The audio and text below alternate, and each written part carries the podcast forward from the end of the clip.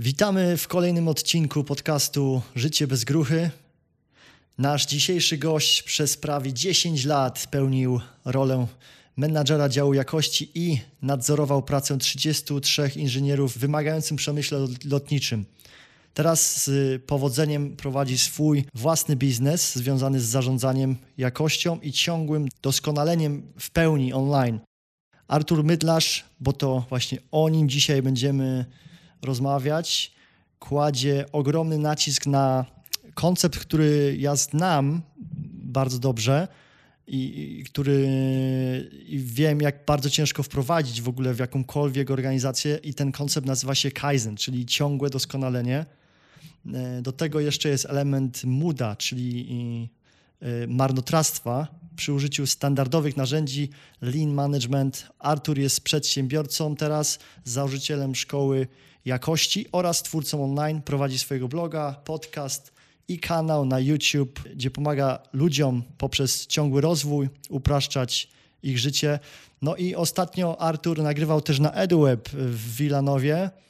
E, tutaj jeszcze chciałem powiedzieć, że Paweł Jaszczerski, który jest słuchaczem naszego podcastu, cały czas ciągle cię rekomendował, mówił, musisz zaprosić Artura, musicie zaprosić Artura. Ja mówię, kto to jest ten Artur? No i w końcu zaprosiliśmy, udało się e, nam tutaj połączyć, także witamy cię bardzo na podcaście. Super, dziękuję bardzo Paweł za rekomendację przede wszystkim.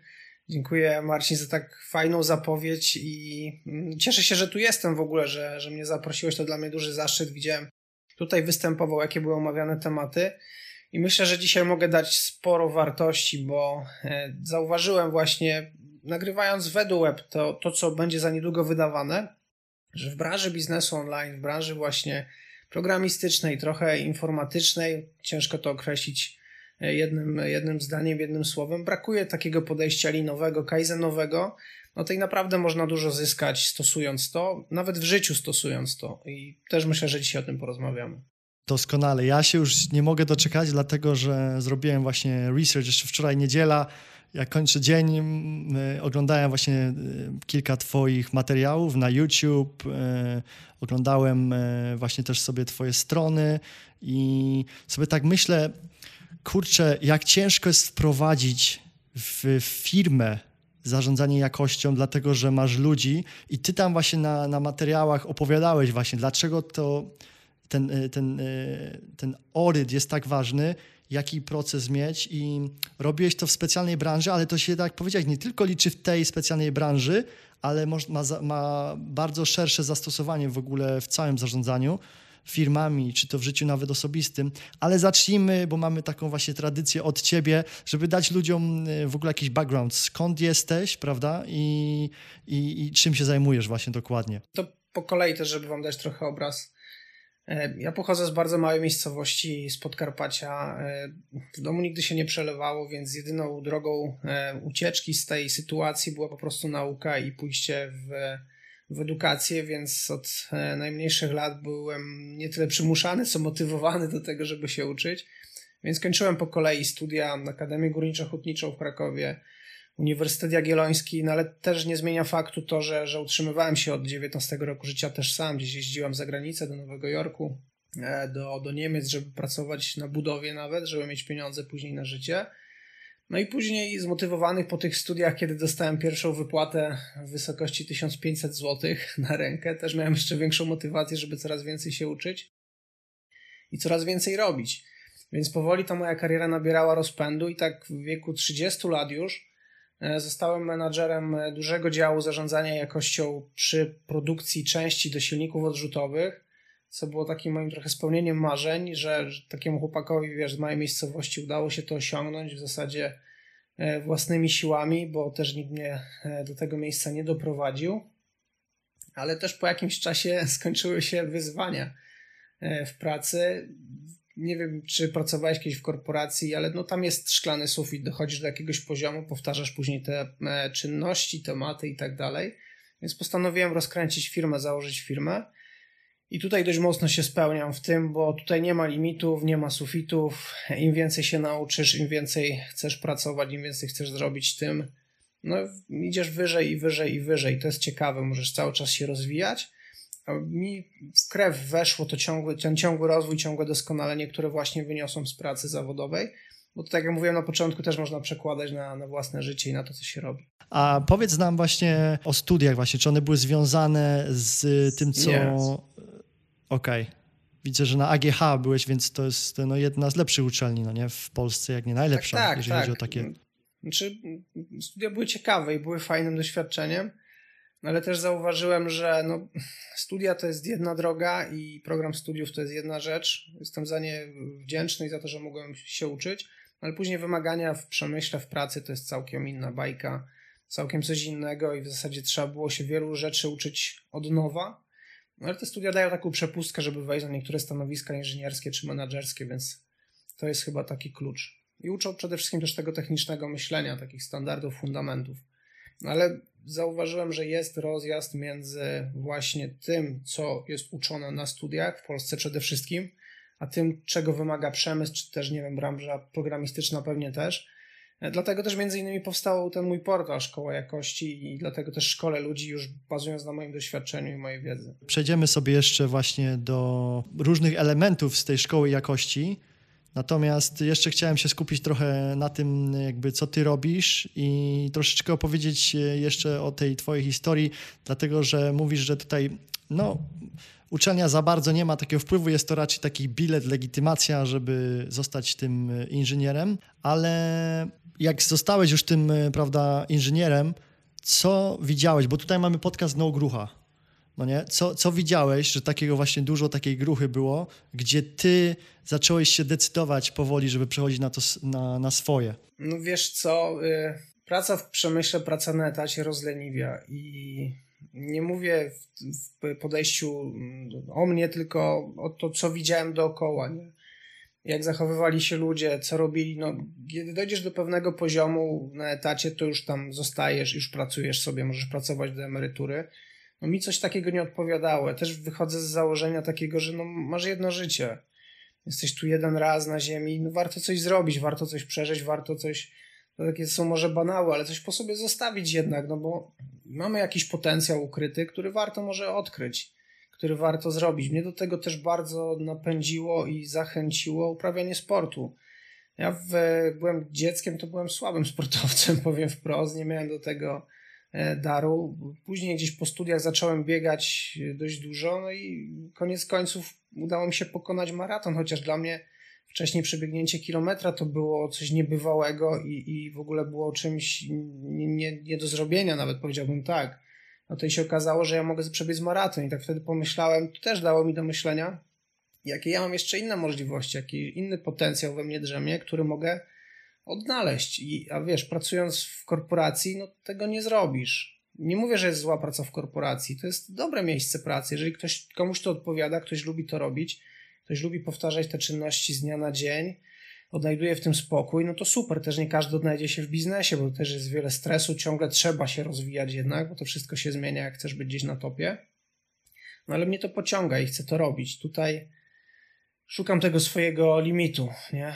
Gdzie jest ten mój limit i ile w stanie jestem zrobić, więc to jest bardzo interesujące, a nie potrafiłem zaakceptować takiego marazmu trochę tej codzienności, tej powtarzalności, jak wiesz, w kole e, chomika, że się obracasz cały czas w kółko i codziennie to samo, poniedziałek, piątek, weekend i tak dalej, i tak dalej. No.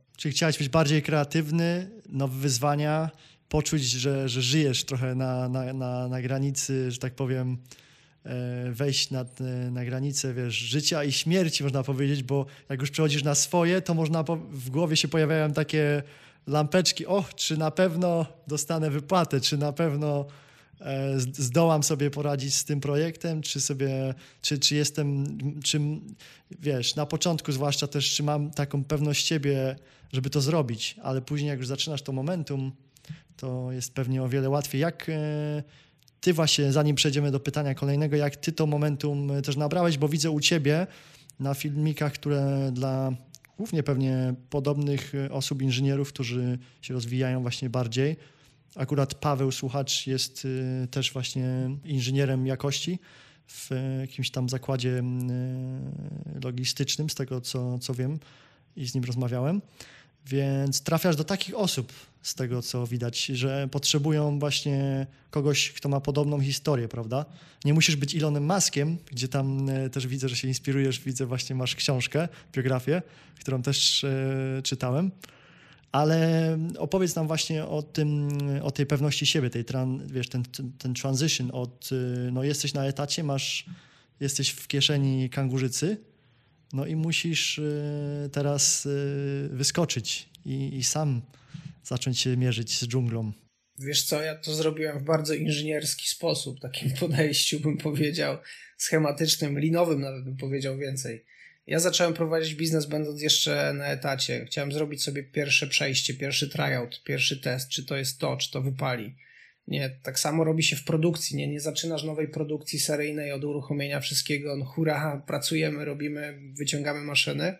Tylko ustawiasz sobie to po kolei, robisz pierwsze przejście testowe, sprawdzasz, co nie wyjdzie, bo na pewno coś nie wyjdzie. Robisz drugie, trzecie, czwarte. To jest cykl Deminga, też inaczej to się tak nazywa. Więc ja też te rzeczy e, przenosiłem do swojego biznesu, nie? I zrobiłem najpierw blog, e, tą, tymi treściami się dzieliłem. Później zrobiłem pierwsze przejście, wydałem pierwsze szkolenie fajnie się sprzedało, drugie, trzecie, czwarte.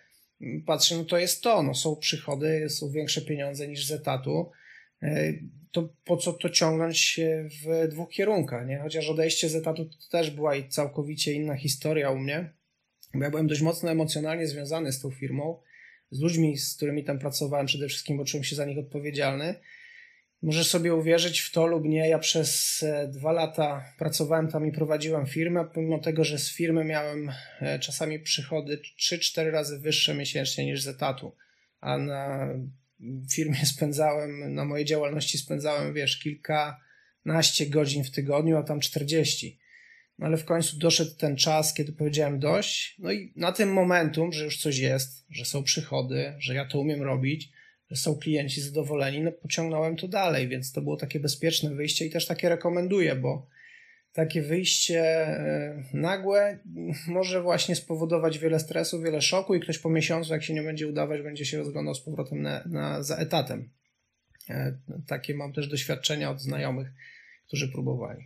Może spowodować rozbicie E, że tak powiem, testu. A tutaj tym z inżynierskim podejściem, ja, ja z tego, co, co widzę, to jako inżynier masz ogromną przewagę, bo jesteś o wiele lepiej sobie zaplanować, zobaczyć na, na co, co może pójść nie tak. I masz przewagę, kiedy zdobędziesz momentum. Jesteś po prostu nie do zatrzymania. Jak tylko rozkręcisz momentum, to masz przewagę 100 razy większą nad ludźmi, którzy nie mają inżynierskiego umysłu którzy są bardziej kreatywni, rozwaleni, ale im troszeczkę lepiej zacząć z tą kreatywnością, żeby to wszystko, bo oni są tacy, a tutaj rzucimy spaghetti o ścianę, zobaczymy, co się stanie. Natomiast jako inżynier, z tego co ja widzę, to musisz mieć case'y, po prostu zobaczyć, że ten most się tam nie zawali, powiedzmy, jak, jak go, jak go yy, położysz. Yy, natomiast yy, najcięższe jest w ogóle postawienie tego mostu bo musisz przez wszystkie case'y sobie w głowie przejść, rozpisać, ten schemat zrobić, ale jak już tylko pójdzie, to wow, to jest torpeda nie do zatrzymania i to zresztą widzimy po tobie, no nie? To jak ktoś ci rekomenduje od nas, kto słucha, to dla mnie to jest inspiracja też właśnie, że Artur robi coś zajebistego, co trzeba pokazać innym ludziom i ja od razu w ten sam dzień, jak to dostałem, dostałem wiadomość, mówię, zapraszamy gościa, jeżeli taką właśnie fajną historię i zwłaszcza, że też głównie naszymi słuchaczami są właśnie programiści, osoby, które w IT pracują i pomyślałem sobie, że twoja wiedza z zupełnie innego inżynierskiego podejścia, nie programistycznego w webie, tylko z innego. Ja sobie zobaczyłem, jak ty mówisz na przykład na jednym z wykładów o jakości testów, audytach i tak dalej. Po pierwsze, to ma wpływ na biznes, po drugie na zarządzanie, a po trzecie nawet na, samą, y, na same osoby techniczne, które to wykonują samy ten, ten mindset, tak, mindset, ten framework. Więc y, przechodzimy do kolejnego pytania odnośnie Adama Overmenta, który u nas tutaj y, był i który zajmuje się automatyzacją. I ja, Artur, ty śledzisz, no nie? Adama, w sensie poznaliście się i jesteście znajomymi. Jak to w ogóle wygląda? Bo ten świat jest tak mały. Słuchaj, ktoś od nas słuchaczy, który w ogóle słucha nas bardzo długo, przychodzi i mówi, musicie zaprosić e, teraz Artura, a tutaj się okazuje, że wy się z Adamem też znacie. Tak, tak. Adam to jest genialny gość. Ja się strasznie cieszę, że go poznałem. To był mniej więcej rok temu. Na jednej z konferencji występowałem. Adam tam był słuchaczem i, i później do mnie zagadał mówił, że strasznie mu się podobało właśnie to, czym ja opowiadałem. Ja tam opowiadałem właśnie troszkę tak jak tutaj o tych testach, o tryoutach, o budowaniu doświadczenia na danych, wyciąganiu wniosków i budowaniu tej jakości. I tak jakoś zagadaliśmy, on mi pokazał też trochę ten świat e, no-code, ten świat e, wykorzystania automatyzacji w internecie. Uwierz mi, że to mnie tak strasznie wciągnęło, bazując na moim doświadczeniu i, i właśnie tym podejściu linowym do ciągłego doskonalenia, standaryzowania rzeczy, automatyzowania, jeżeli się da. I tak znamy się już od roku i, i mogę powiedzieć, że jest to mój dobry znajomy, mógłbym powiedzieć nawet, że przyjaciel, bo często rozmawiamy. Cieszę się, że go znam, bo myślę, że on zajdzie bardzo daleko. Wkrótce boję się, że, że nie będę miał z nim kontaktu, bo on pewnie gdzieś wyląduje w San Francisco. Zobaczymy. To już, już, mi, już mi mówił właśnie, że Marcin, spotykamy się za niedługo w Stanach, bo ja już tam, e, ja już się tam e, rozkręcam. Ja mówię, słuchaj, dawaj e, Adam tutaj spotykamy się w Stanach, jak tylko przylecisz, bo ja jestem, ja jestem w Vegas, akurat mieszkam tutaj teraz, więc no mega historia kolejna. W ogóle blows my mind, jak to mówią po, po angielsku, gdzie pokazuje to, że mega świat jest mały i osoby, które podobnie myślą, to nie jest bez powodu, że osoby, które są bogate, bardzo bogate, zazwyczaj wszyscy się znają po prostu w kręgu bogatych. Oni się wszyscy nawzajem, nawzajem słuchaj, znają albo wiedzą to nazwisko, to, to, to i to. I to mi tylko pokazuje ten taki pattern bardzo wspólny, no nie, że osoby, które zaczynają na tych samych e, wiesz, frekwencjach e, oscylować, e, po prostu znamy się, więc to jest fajne. I kolejne pytanie, już teraz takie z mojego bardziej doświadczenia, gdzie widzę w, w pracy z ludźmi, ale też z tego, co od ciebie, twoich prezentacji mm, właśnie widziałem, to czy polscy inżynierowie prac powinni pracować więcej nad umiejętnościami miękkimi i językiem angielskim? Co im to da? Oczywiście, Marcin, to jest podstawa. Ja najwięcej zyskałem na umiejętnościach miękkich.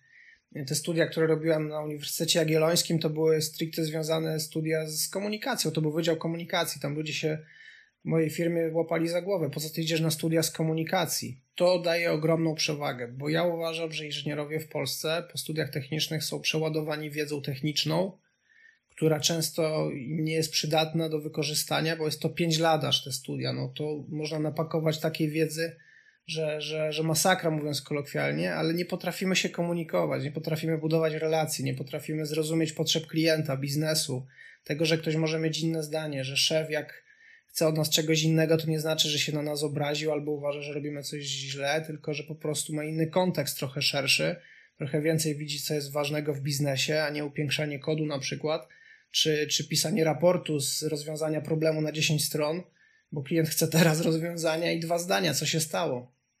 Więc jeżeli my, jako inżynierowie, to szybciej zrozumiemy, to mamy łatwiejszą drogę w, w karierze, w biznesie też później, jak chcemy pracować w biznesie przede wszystkim mniej stresu, mniej frustracji, bo im mniej wiesz na temat komunikacji, tym tworzysz sobie e, scenariusze, że ktoś właśnie mm, po złej myśli, po złej jakiejś chęci robi ci na że się z tobą źle komunikuje albo cię nie słucha. No to nie jest tak zazwyczaj.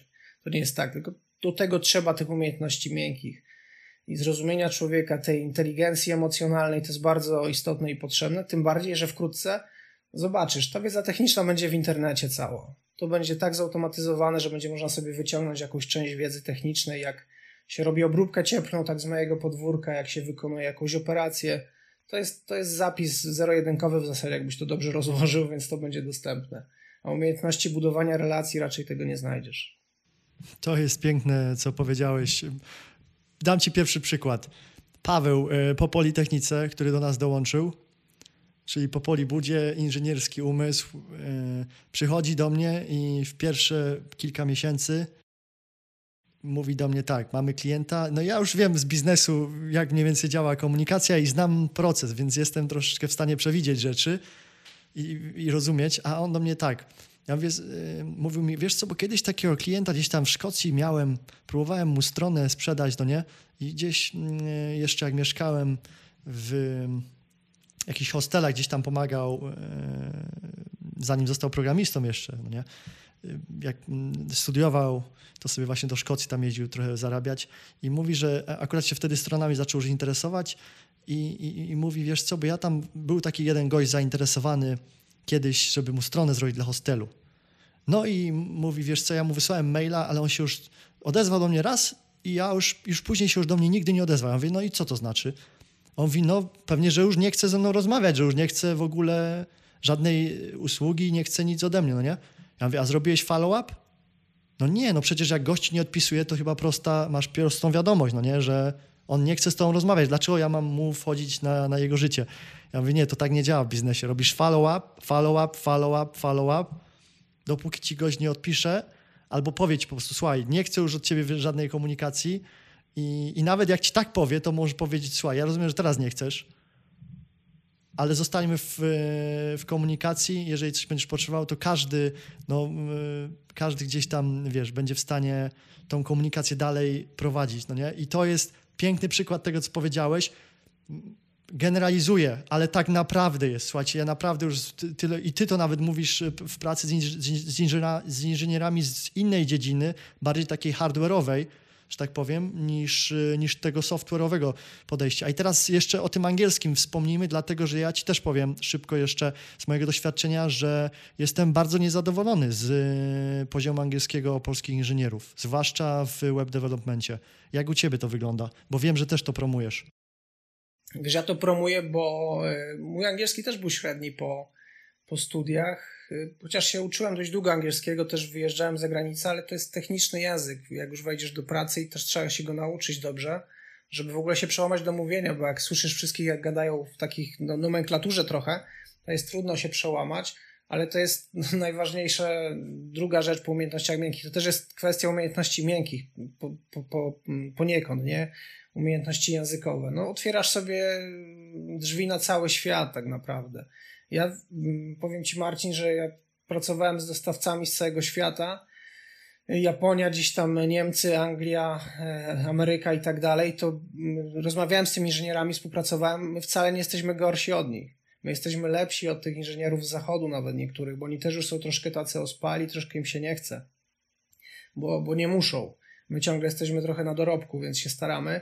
Więc jeżeli chcesz zrobić też za granicą karierę szybko, to ten język to jest podstawa, nie? I naprawdę możesz gości szybko wyprzedzić. My też trochę mamy kompleksów, że my jesteśmy gorsi od, od, od ludzi z zachodu. Wcale nie. Tylko ten język nas, nas blokuje i ogranicza. A to jest moim zdaniem bardzo ważna rzecz, żeby sobie pomóc po prostu. No bo ja też, gdybym nie znał angielskiego, nie zdałbym takiej wiedzy. U nas w Polsce też jeszcze ta wiedza nie jest tak dobrze dostępna w takim e, stopniu, jak możesz ją uzyskać z zagranicznych źródeł, a sama możliwość kontaktu z kimś, porozmawiania e, i też zrozumienia, czego on chce, dobudowania do tego relacji jeszcze po angielsku, jak umiesz to robić, no to no sky is the limit, no tak powiem.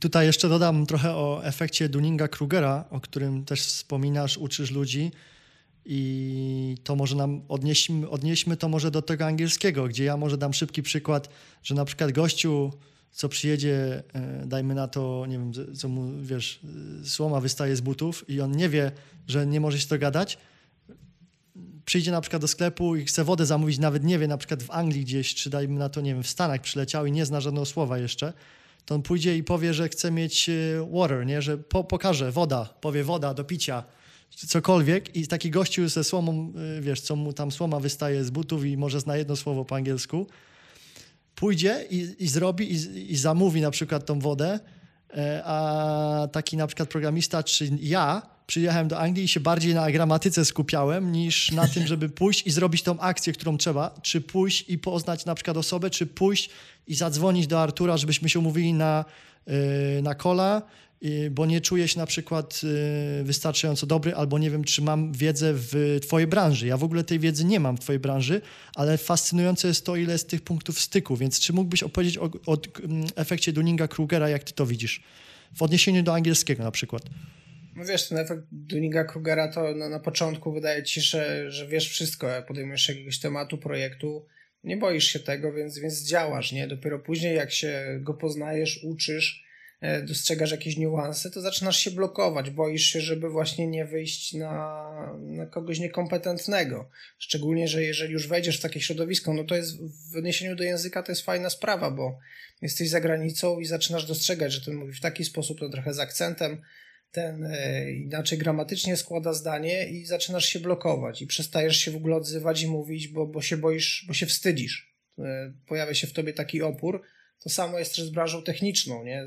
Na początku poznajesz jakieś metody, jakieś procesy, czujesz się w tym fajnie, dostrzegasz jakieś niuanse, ktoś ci zwróci uwagę na coś i jest przyblokowanie. Mi się wydaje, że to w dużym stopniu wynika też z systemu ocen, który był, wiesz, w szkolnictwie że, że byliśmy oceniani cały czas i ktoś nam mówił, że robimy coś dobrze czy źle. No trzeba zauważyć, że jest taki efekt i, i to przełamać, bo, bo my najwięcej na tym tracimy, jeżeli my nie używamy na przykład tego języka angielskiego. Ja widziałem ludzi, którzy gadali z pięknym polskim akcentem, rozmawiali z pięknym polskim akcentem, takim zalatującym rosyjskim, nie przejmowali się tym gramatycznie byli też kiepscy, załatwiali bardzo poważne tematy związane z, z silnikami odrzutowymi gdzieś tam z klientem, więc można i, i trzeba nawet, bo można więcej zrealizować rzeczy w życiu i się po prostu nie bać. Tyle.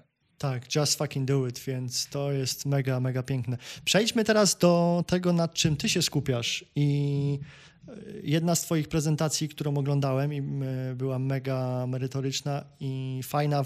Ja sobie to wziąłem w odniesieniu do księgowości, bo dużo czasu teraz już spędzam nad finansami, nad zarządzaniem, mniej nad programowaniem, ale to też się do programowania bardzo odnosi i to też dla mojego zespołu i dla nas też bym chciał to odnieść, gdzie na przykład masz kontrolę jakości, QA, czyli jak dostarczamy jakikolwiek produkt dla klienta i to jest zawsze problem, bo zawsze coś jest, nie... o zapomniałem o tym, zapomniałem o tym i tam powinna być taka checklista, proces, system, tak ty mówisz. Czy możesz właśnie wyjaśnić, e, dlaczego akurat audyt jakości to nie do końca kontrola jakości w Twoim odniesieniu, w Twojej branży. Nie chcę, żebyś tutaj jakoś musiał to generalizować. Wiesz co, to jest piękna rzecz. Jakości ja mogę mówić e, nie godzinami, ale nawet dniami, bo E, my nie rozumiemy do końca za dobrze zarządzania jakością, a też długo nie rozumiałem. Mamy trzy poziomy zarządzania jakością. Kontrolę, kiedy kontrolujemy dany produkt, wykonanie czy usługę. Mamy zarządzanie jakością procesami, czyli dopinamy, że procesy mają spełnione standardy, że jest e, określone to, to, to i to. No i mamy jeszcze zarządzanie, system zarządzania jakością, czyli jak działa zarządzanie w firmie, jak są szkoleni ludzie, czy oni wiedzą, jaki jest cel, misja firmy, czy znają metody zgłaszania problemów, czy doskonalą procesy i tak dalej. Więc e, my często skupiamy się na kontroli gotowego produktu, a to jest na samym końcu. Jakbyśmy zadbali o te wcześniejsze trzy, dwa elementy, czyli zarządzanie e, jakością na poziomie procesów, czy na tworzeniu systemu, który w ogóle pozwoli budować jakość, no to mamy dużą przewagę. I audyt jest jednym z takich narzędzi, który ma właśnie w procesach i w systemach wskazywać obszary do rozwoju. Audyt to nie jest rzecz, która ci mówi, co robisz źle. Nie, to nie jest y, narzędzie, które mówi, że ten pracownik pracuje źle i trzeba go zwolnić, tylko audyt to jest piękne narzędzie, które pokazuje luki, które ty masz, co musisz doskonalić, ale też warto w audycie pokazać to, co robimy dobrze w firmie, bo na pewno są rzeczy, które robimy dobrze i warto je pokazać, mówić o nich, przenosić je na inne obszary w firmie żeby wykorzystywać te dobre praktyki, bo też jak jest firma, to się zamykamy w takich silosach, każdy pracuje sobie nad swoimi rzeczami, a tych dobrych praktyk nawet, nawet się nie dzielimy tymi dobrymi praktykami, nie ma takich, takich procesów, więc audyt to jest świetne narzędzie do tego, żeby zbierać dobre praktyki, żeby wskazywać obszary do rozwoju w firmie, żeby wskazywać te luki, które mamy, które powodują, że mamy produkt niezgodny, bo czegoś tam nie mamy dopracowanego, jakiegoś standardu, jakiejś metody, no ale też no, musimy w audycie pokazać błędy i pokazać rzeczy, które robimy całkowicie e, oderwane od standardu, od wymagań, żeby je po prostu usuwać i, i znajdować przyczyny źródłowe problemów i to doskonalić. Zarządzanie jakością pięknie się sprawdza w branży e, IT. Chciałbym tam kiedyś wejść, coś porobić, bo ja widzę, że tam jest bardzo dużo. Zapraszam, zapraszam. Może zrobimy jakąś kolaborację. nie ma sprawy. Więc zachęcam w ogóle, jeżeli jesteście z branży IT, żeby rozszerzyć trochę swoje spojrzenie na, na metody, narzędzia jakościowe, które są dostępne w produkcji, czy w Toyota Production System, w Lean Management, bo to naprawdę może, może pomóc wielu firmom, tak mówiąc już na koniec tym, czym jest audyt. Mhm. No i teraz akurat wspomniałeś o lean management, to na początku też wspominałem o tym, że kładziesz ogromny nacisk na Kaizen, który znałem już wcześniej z, z różnych książek właśnie o zarządzaniu może z 5-6 lat temu jeden z moich pierwszych takich mentorów nawet biznesowych, który uczył mnie sprzedaży, mówi zawsze, słuchaj Marcin Kaizen, Kaizen, on nawet jego firma się nazywała Kaizen z swojego czasu. I on mówi zawsze Kaizen, no nie? Kaizen, że to trzeba cały czas ten, ten improvement. I mimo, że jest ciężko, że czasem trzeba y, jakiś fire się pojawia, zawsze ten kaizen, no nie? Więc, y, ale do tego jeszcze masz tą eliminację muda, czyli tego marnotrawstwa. Możesz y, wyjaśnić te pojęcia nam? Pewnie, pewnie, pewnie. E, bo to fajnie można połączyć, nawet trzeba połączyć, bo o doskonaleniu mówimy w dwóch kategoriach. Albo doskonaleniu czegoś, co nie działa, u ciebie w firmie czegoś, co przynosi straty, co nie daje wartości klientowi, albo doskonaleniu w odniesieniu do jakiegoś benchmarku, do jakiegoś wyższego, e, wyższej wartości, do której my chcemy dążyć jako organizacja.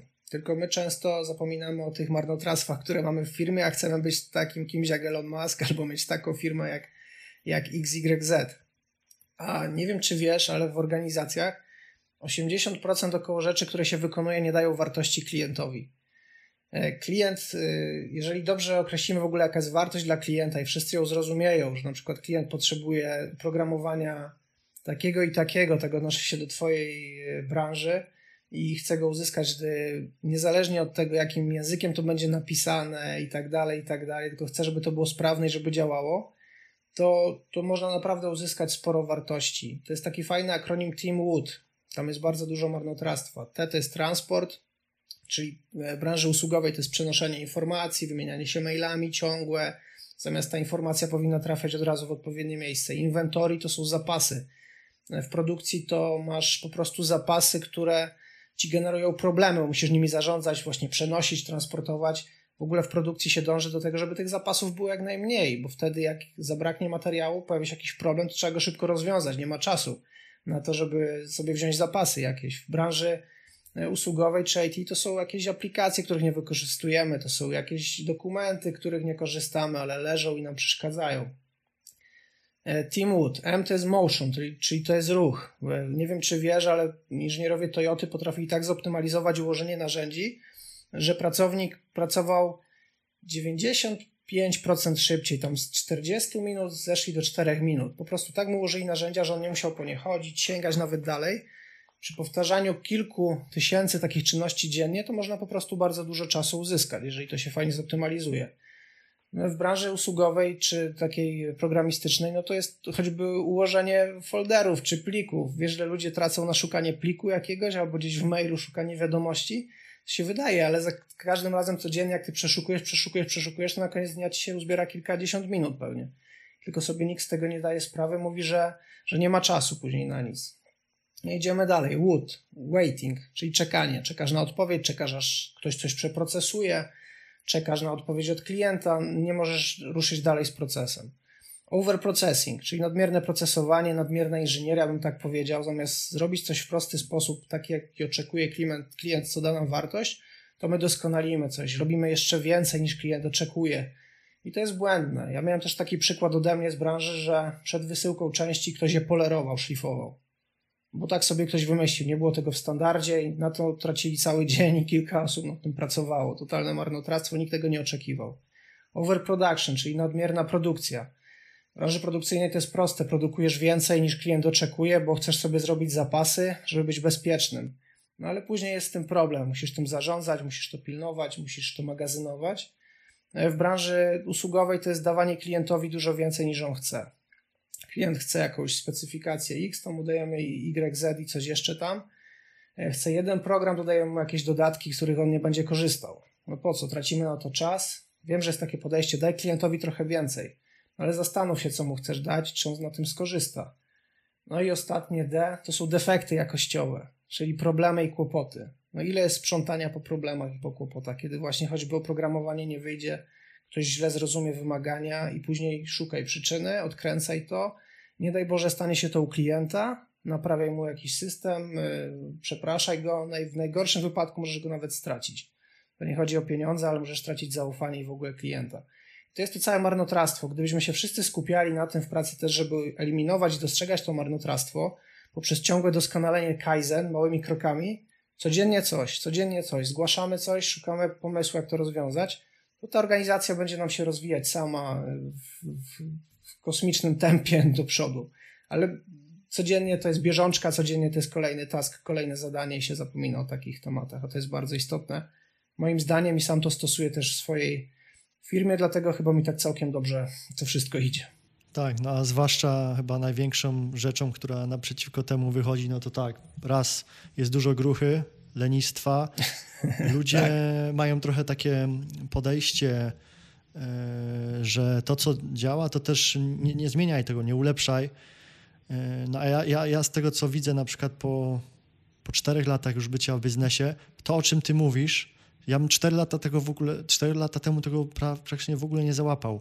Teraz dla mnie to, co ty mówisz, to jest y, coś, na czym ja się chcę skupiać, dlatego że już stworzyliśmy coś, wiesz, y, co, co działa. I teraz jak my to możemy ulepszyć. Czyli tak jak na przykład weźmy sobie analogię szybko, te loty, co teraz y, bilionerzy robią, w, testują, prawda, into space. I oni sobie już mogą na to pozwolić. To już naprawdę każdy już mógł zrobić, tylko czy to jest opłacalne, no jest to bardzo drogie, prawda, jeszcze na ten moment, żeby ten cały proces przejść, ale oni to tak ulepszą, tak ten proces ulepszą, że on będzie, ludzie będą sobie mogli pozwolić na to, tak jak z lataniem teraz samolotami. Czyli będzie ten e, taki re reusability. Ta reusability to będzie o wiele tańsze i o wiele szybsze. Niezłe siano można zrobić na tym, co ty, co ty tutaj uczysz, yy, tylko że to trzeba wprowadzić, bo ale jedna rzecz to jest w ogóle właśnie wiedza i posiadanie kogoś takiego jak ty, dlatego że ja widzę, że sporo ludzi w biznesie albo są biznesmenami i są, mają ten kreatywny ADHD, że tak powiem, to jest bardzo dobre w biznesie oczywiście, bo inaczej by nie byli w tym biznesie. Albo są zbyt y, techniczni, są tacy, takim umysłem inżynierskim, że znowu ten overkill jest. Ja mogę dać kilka, wiele, wiele przykładów, a już nie będę wchodził, gdzie z naszymi programistami rozmawiam i oni mówią, o, dlaczego nie użyjemy tej najnowszej technologii? No nie? Ja już nad tym robiłem research, oni są podnieceni tym wszystkim, to jest super, ale to nie jest to, co klient oczekuje on będzie zadowolony z tym rozwiązaniem wcześniejszym, jak Dokładnie. tylko zrobimy go dobrze i na czas, i na czas i na budżet dostarczymy, bo on, to nie jest to, co on w tym momencie chce. To, co ty robisz, to możesz sobie gdzieś zaplanować na przyszłość, już to wyprzedzać, no ale mniejsza o to. Więc przejdźmy teraz do twoich podcastów i do twojego e, bloga Inżynier Jakości.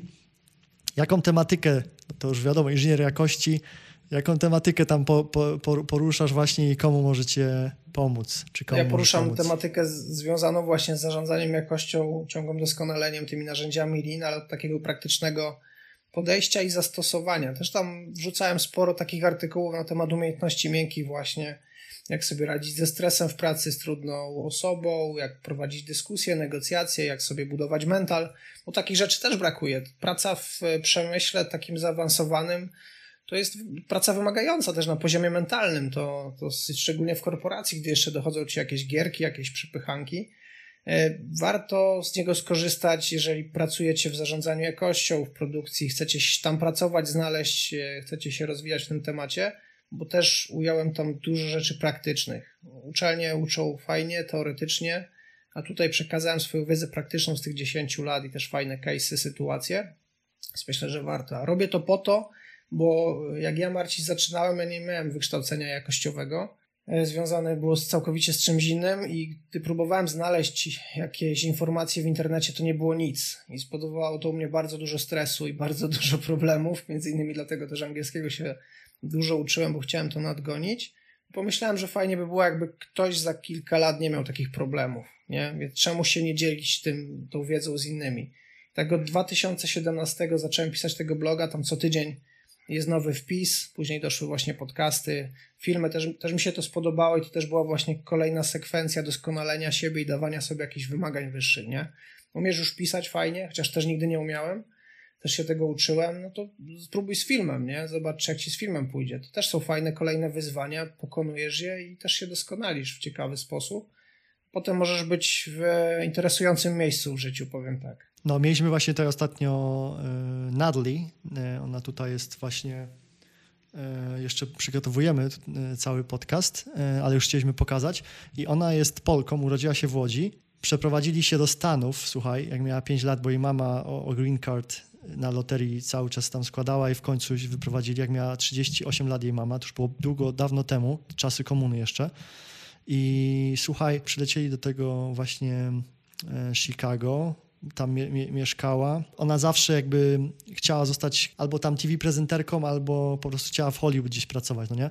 No i teraz y, jest właśnie też w tym Hollywood, tam pracuje. Jaki point jest tego, co, co ja chcę przekazać, to jest to, że ona mówi, że ona teraz jeszcze wykłada, słuchaj, na e, University of Southern California jako journalist, czyli nie tylko pracuje teraz jako, jako TV presenter, swoje podcasty robi, ale słuchaj, e, jeszcze e, wykłada, czyli uczy. I teraz ona mi powiedziała jedną rzecz. Powiedziała mi, że ona chciała i nie miała tego, że kiedy chodziła na swoje studia, jak się uczyła, to nie miała profesora, który by robił to, co uczy. Czyli nie byłby, słuchaj, dziennikarzem, który jest w polu i to robi.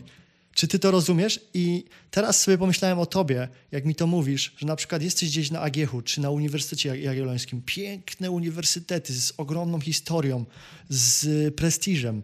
Podejrzewam, że jest dokładnie takie samo po prostu założenie, że masz teoretyków, niestety, wielu z tych profesorów to są, wiesz, ogromne po prostu mózgi, no nie? Bardzo, mądrzy, bardzo mądre osoby, ale niestety, co jak powiedziałeś, tylko się skrawek tego się bierze i tak sobie pomyślałem, czy to, co robisz teraz, na przykład jesteśmy na podcaście, no nie? No to jako inżynier to sobie możesz powiedzieć, kur, kuźwa, co my tu robimy? marnujemy czas, marnotrawstwo, mudę robimy.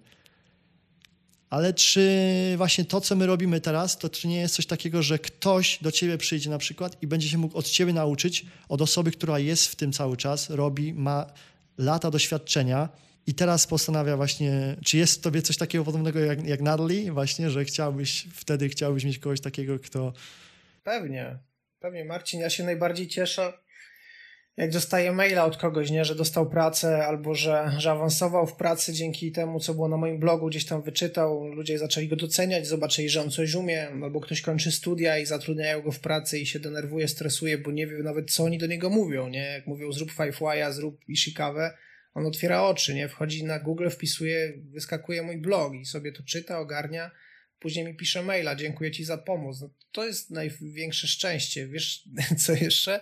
Ja dostałem informację od studentów, że e, profesorowie, doktorzy korzystają z moich materiałów, żeby wykładać informacje o zarządzaniu jakością, między innymi na AGH właśnie, między innymi na Uniwersytecie w Łodzi czy, czy w Warszawie na Politechnice i to jest też piękne, nie? Dostałem też kilka takich maili od, od doktorów bezpośrednio, nie? Napisali, czy ja mogę wykorzystać to, bo to jest fajnie zrobione i studentom się to spodoba. Więc to jest też duży taki impact jakiś, który właśnie to, co mówiłem na początku, że coś, coś tam po mnie zostanie, nie? Może nie fizycznie, ale w ludziach, którzy zdobywają nową wiedzę i, i będzie im po prostu łatwiej w życiu albo e, szybciej awansują, szybciej sobie z czymś poradzą i, to jest chyba największa wartość dodana, nie? To nie, tu nie ma mudy.